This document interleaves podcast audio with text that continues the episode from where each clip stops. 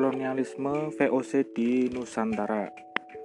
Bagian akhir pembahasannya adalah akhir kolonialismenya VOC di Nusantara.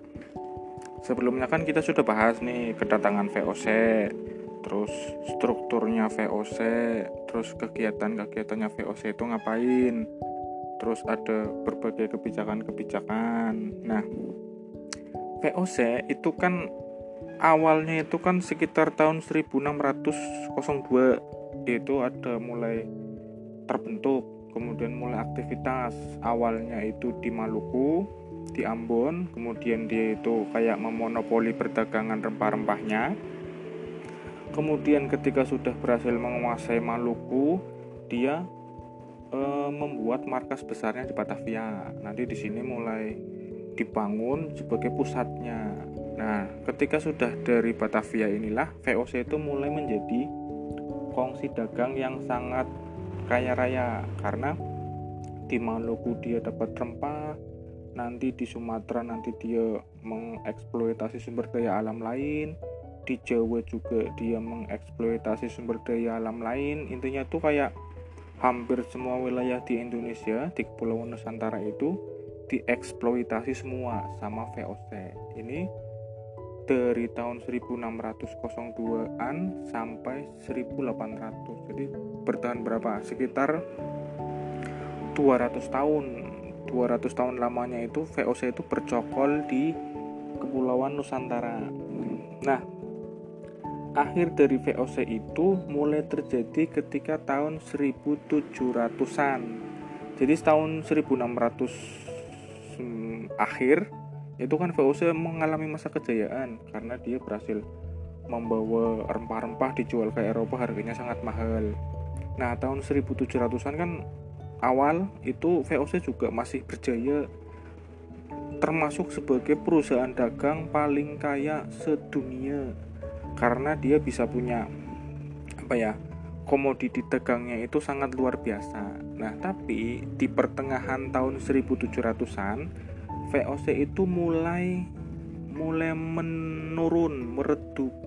Karena apa? Ada berbagai faktor. Salah satu faktor yang pertama itu perdagangan dunia, perdagangan global itu itu kan semakin berkembang.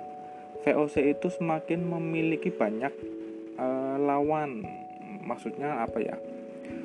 Perdagangan rempah-rempah itu walaupun berhasil dikuasai sama VOC, tapi komoditas lain kayak misalkan komoditas dari India, dari Cina itu masuk ke Eropanya itu sekarang sudah lebih mudah.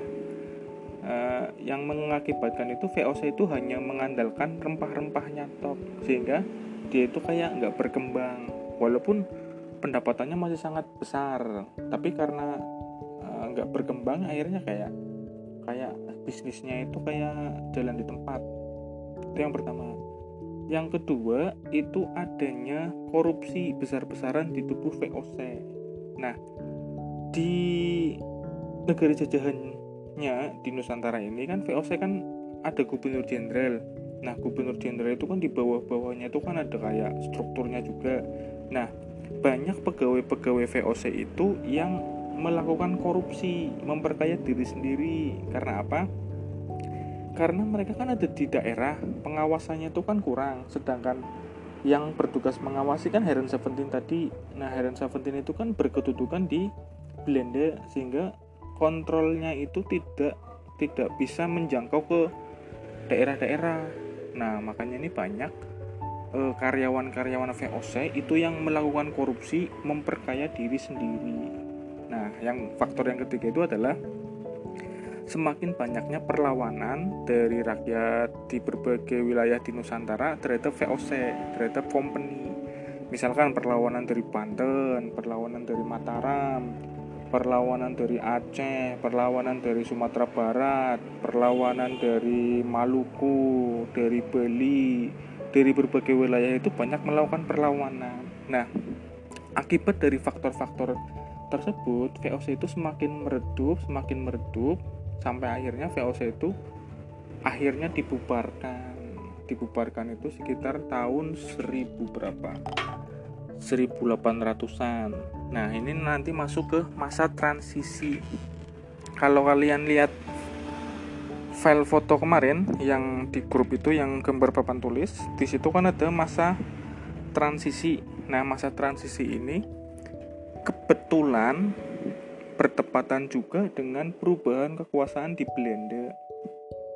Jadi tahun 1800, Belanda, Belgia itu dijajah sama Prancis jadi Perancis di bawah pimpinan Napoleon Bonaparte itu kan kayak melakukan ekspansi. Perancis itu melakukan ekspansi sehingga Belanda sama Belgia itu berhasil dikuasai oleh Perancis. Nanti Raja Belanda, Raja Belgia dan wilayah-wilayah lain kemudian mengungsi ke Inggris. Nah, perubahan politik atau perubahan kekuasaan yang ada di Belanda, di kerajaan Belanda itu kan pasti akan berakibat kepada ini oh uh, daerah jajahannya. Makanya di sini tuh disebut sebagai masa transisi. VOC oleh pemerintahan Belanda yang baru, Belandanya yang dikuasai Prancis itu kemudian membubarkan VOC, kemudian dibentuklah yang namanya Republik Batav. Republik Batav ini berarti eh apa ya berarti ya? Ibaratnya gini, Prancis itu menjajah Belanda. Belanda menjajah Nusantara. Jadi Indonesia itu dijajah sama negara yang sedang dijajah. Itu itu e, Republik Batav, namanya itu Republik Batav. Kalau sebelumnya kan dikuasai VOC. Nah, setelah adanya pergeseran kekuasaan ini namanya Republik Batav. Nah, Republik Batav ini dipimpin oleh gubernur jenderal yang namanya William Dendles. Sedangkan di Belandanya sendiri itu di kekuasaan Belanda itu dipegang oleh Louis Napoleon. Louis Napoleon itu saudaranya Napoleon Bonaparte. Nah di masa transisi ini si Dendles sebagai gubernur jenderalnya Republik Batav itu ditugasi sebuah misi yaitu mempertahankan Jawa dari serangan Inggris. Kenapa mempertahankan Jawa dari serangan Inggris? Nah, gini ketika Prancis itu melakukan revolusi menyerang Belanda, menguasai Belanda, menyerang Belgia, menguasai Belgia. Nah, Prancis itu ingin menguasai Inggris karena antara Prancis sama Inggris ini punya rivalitas dari zaman dahulu.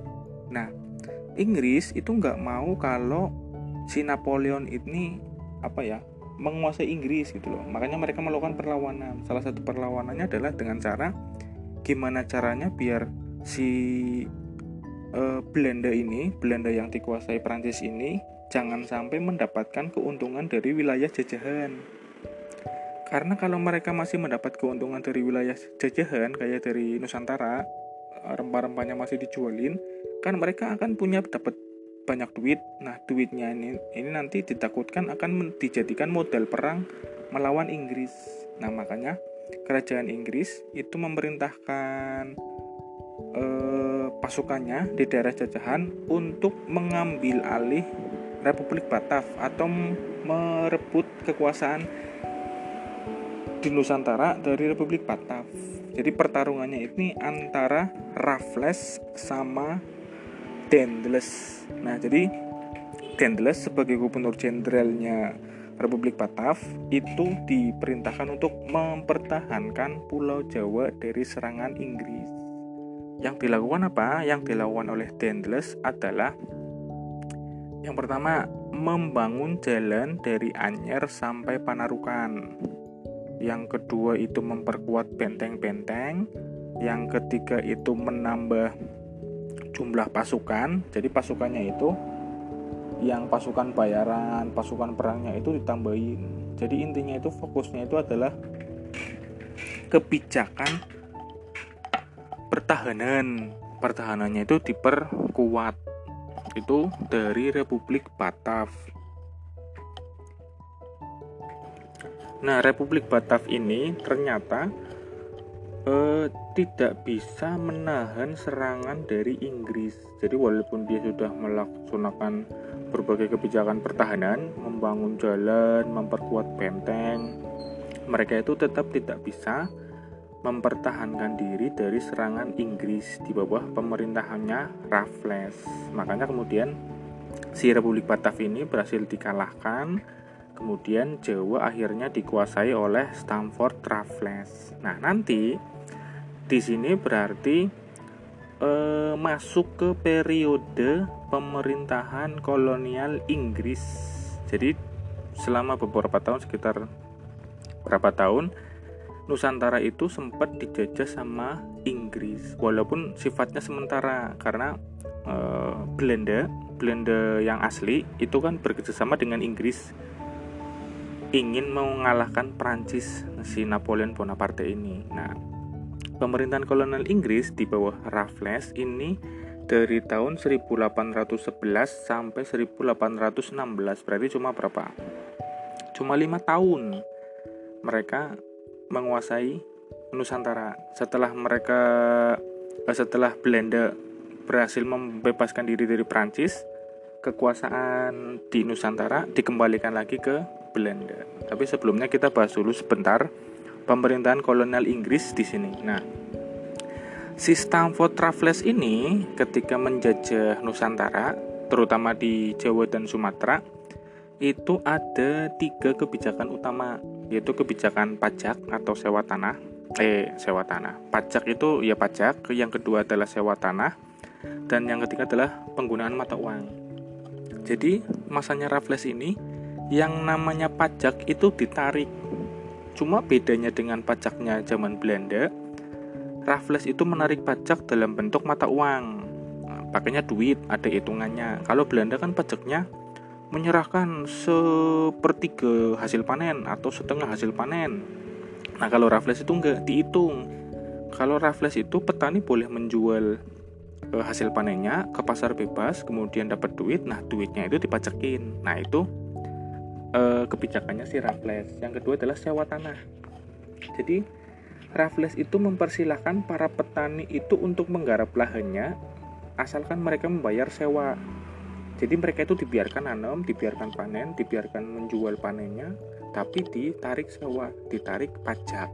Nah, yang ketiga, Raffles itu mulai memperkenalkan sistem mata uang. Jadi, kalau zaman Belanda itu kan lebih banyak sistem barter atau pajaknya dalam bentuk hasil panen, menyerahkan hasil panen, disuruh kerja. Nah, di Raffles ini pakainya itu mata uang supaya apa? Supaya di Nusantaranya itu berkembang. Makanya ini eh, cara-cara penjajahan Inggris itu lebih enak dalam artian negara yang dijajahi itu juga dibiarkan berkembang, dibiarkan apa ya, maju. Contoh wis jajahan Inggris dulu kayak Amerika, kemudian Singapura, Malaysia, Australia, Kanada. Sekarang kan jadi negara yang maju. Karena itu mereka menjajah itu juga sambil membangun. Beda dengan Belanda yang benar-benar apa ya benar-benar hanya mengeruk kekayaannya tok nah ini nanti tahun 1816 ketika Napoleon Bonaparte berhasil dikalahkan Republik Batav yang ada di Belanda itu juga kemudian berhasil dikalahkan Dendles yang ada di Jawa juga berhasil dikalahkan akhirnya Inggris berkuasa selama lima tahun terus kekuasaannya dikembalikan ke Belanda lagi tapi ketika dikembalikan ke Belanda, bentuknya sudah bukan VOC, tapi bentuknya adalah pemerintahan kolonial Belanda. Yang menjajah adalah negara Belandanya langsung. Nah, ini bedanya antara VOC dengan Belanda. Jadi, VOC itu mulai tahun 1602 sampai 1800-an. Nanti 1800-an itu ada Republik Batav di bawah pemerintahannya uh, Louis Napoleon sama Dendles. Nah nanti berganti lagi ke pemerintahannya kolonial Inggris Stamford Raffles. Nah terakhir berganti lagi ke masa kolonial pemerintahan Belanda. Jadi penjajahannya itu kayak ada empat babak eh, VOC, kemudian Republik Batav, kemudian pemerintah kolonial Inggris, dan yang terakhir itu masa kolonial Belanda, pemerintahan kolonial Belanda itu dari tahun 1816 sampai 1942. Nah, jadi itu ya akhir dari kekuasaan VOC di Nusantara. Jadi dari tahun 1602 sampai tahun 1800-an ketika VOC dibubarkan karena secara eko apa manajemen itu sudah banyak ruginya, banyak korupsinya. Kemudian dikembalikan ke pemerintah kolonial Belanda. Nah, untuk selanjutnya yang akan kita bahas adalah pemerintahan masa kolonial Belanda di Nusantara.